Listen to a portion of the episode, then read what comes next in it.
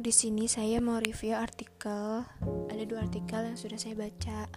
Artikel yang pertama itu berjudul A Multidisciplinary Dialogue on Security atau dialog multidisiplin tentang keamanan. Dialog ini disusun oleh Philip Berbo. Uh, dan kita mulai ke pembahasannya saja. Artikel ini membahas tentang eh, konsep-konsep uh, keamanan. Terus uh, artikel ini terdiri beberapa bab dan saya akan membahas per babnya mungkin kesimpulannya aja yang dibahas setiap bab. Dan bab pertama itu penulis itu berusaha menghidupkan kembali minat filosofis dalam keamanan dan mengungkapkan beberapa cara di mana konsep tersebut telah menjadi menjadi keduanya yang dipahami maupun yang tidak yang disalahpahami. Dan mulai menjelajahi sejarah yang langka dan pemahaman tentang keamanan dalam filosofis barat lalu mengidentifikasi tema-tema utama yang muncul dalam literatur, terus kemudian memberikan penjelasan tentang struktur konsep keamanan yang di mana mengungkapkan hubungan dengannya dengan perdebatan kontemporer, perbedaan antara ancaman alami dan sosial, dan terakhir mengidentifikasi empat masalah utama dalam filsafat moral dan politik terus keseimbangan antara keamanan negara dan individu antara kebebasan dan keamanan status, status lalu status dari prinsip moral selama keadaan darurat. Dan terakhir pertukaran antara privasi dan keselamatan publik di mana pemahaman yang lebih baik tentang keamanan. Terus bab kedua itu membahas tentang uh, gambaran tentang cara masuknya filosofi mana yang dapat mengungkap dan memperdalam diskusi tentang konsep keamanan. Terus yang bab ketiga membahas tentang jenis-jenis wawasan yang bersifat antropologis. Antropologi keamanan mempertimbangkan beberapa berbagai topik. Banyak di antaranya biasanya tidak dipahami dalam kerangka keamanan.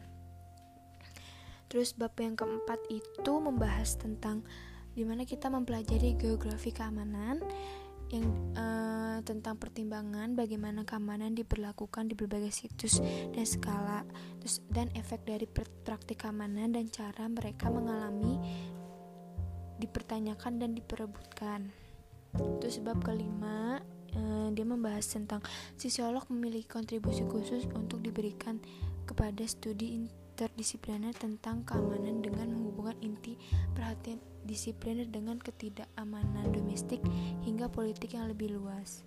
Terus dengan mempermasalahkan keterlibatan interdisipliner dengan keamanan sebagai fenomena objektif. Terus bab ke-6 itu e, membahas tentang budaya, ruang, dan kebebasan adalah ciri khasnya konsep antropologi, geografi, dan filsafat dan masing-masing kamar biasanya dianggap sebagai salah satu konsep yang menentukan antar hubungan nasional.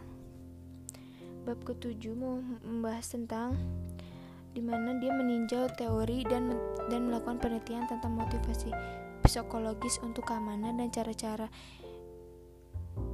cara-cara untuk motivasi dapat mempengaruhi hubungan antar kelompok.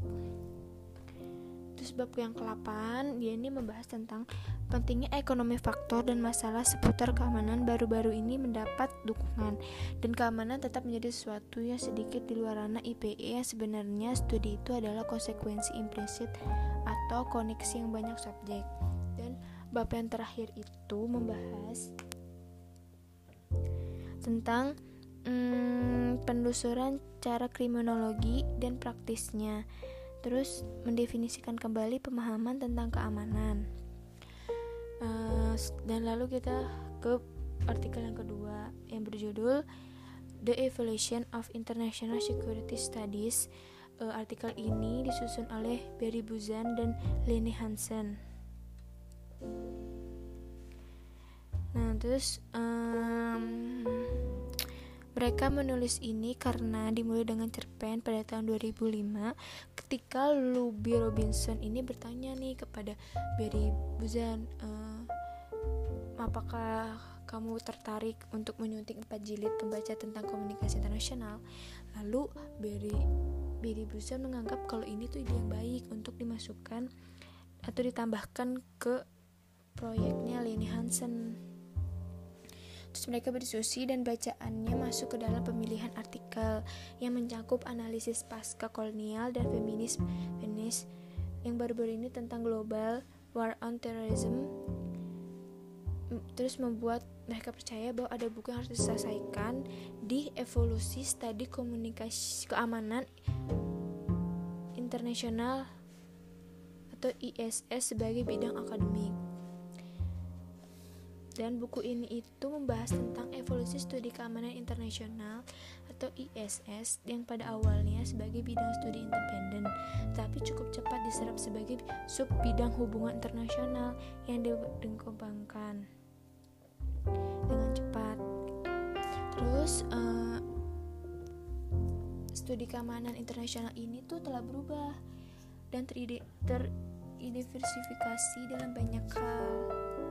Terus artikel itu tuh memberi artikel ini memberikan sejarah intelektual pertama dalam periode ini dan menjelaskan bagaimana studi keamanan internasional berevolusi dengan konsekuensi strategis uh, dari persaingan negara adidaya dan senjata nuklir.